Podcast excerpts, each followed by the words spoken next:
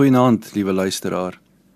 In Matteus 9 se eerste 7 verse lees ons hoe dat Jesus 'n verlamde man genees. Daar het hulle 'n verlamde man wat bedleend was na hom toe gebring. En toe sê Jesus, toe Jesus hulle geloof sien, sê hy vir die verlamde: "Vriend, wees gerus, jou sondes word vergewe." Dalk het ons maar almal so 'n bietjie die vrees om God te leer te stel. Koos Du Plessis skryf in sy bekende lied Die Gebed: Elke afdraai paadjie ken ek. Elke keer het ek verdwaal. Jy en ek is soms afgedwaaldes. Dit is een van baie beelde wat gebruik kan word om ons as mense te beskryf.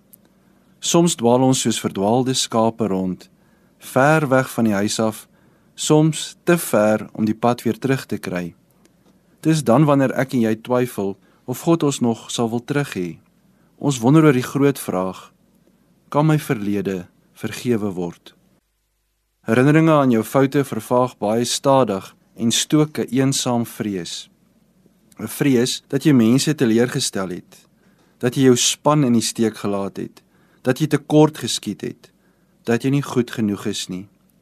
'n Vrees dat toe ons op ons nodigste was, het ons nie ons deel gedoen nie. Dat ander moes swaar kry as gevolg van ons foute en ons tekortkomings. Kan jou verlede vir jou vergewe word en afgeskryf word?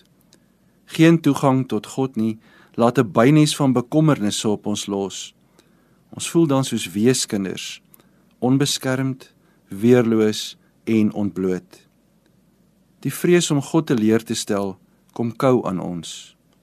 Maar Christus kom haal die buit uit hierdie vrees as hy hierdie verlamde man vryspreek en as ware opdrag gee om nie te vrees nie.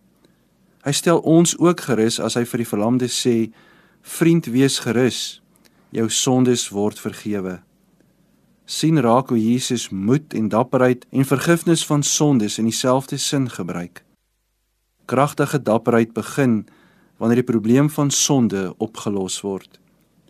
As jy rondom jou kyk en die seer en die vrees in mense se oë sien, as jy die vrees oorspoel oor hulle lippe, kan ons verstaan waarom Jesus vergifnis sy eerste vrees asseblief minder aankondiging gemaak het. Ja, ons het God teleurgestel, maar nee, God het nie een van ons afgeskryf of weggejaag nie. Hy het ons eerder omarm met die woorde: Jou sondes word vergewe. Mooi aand.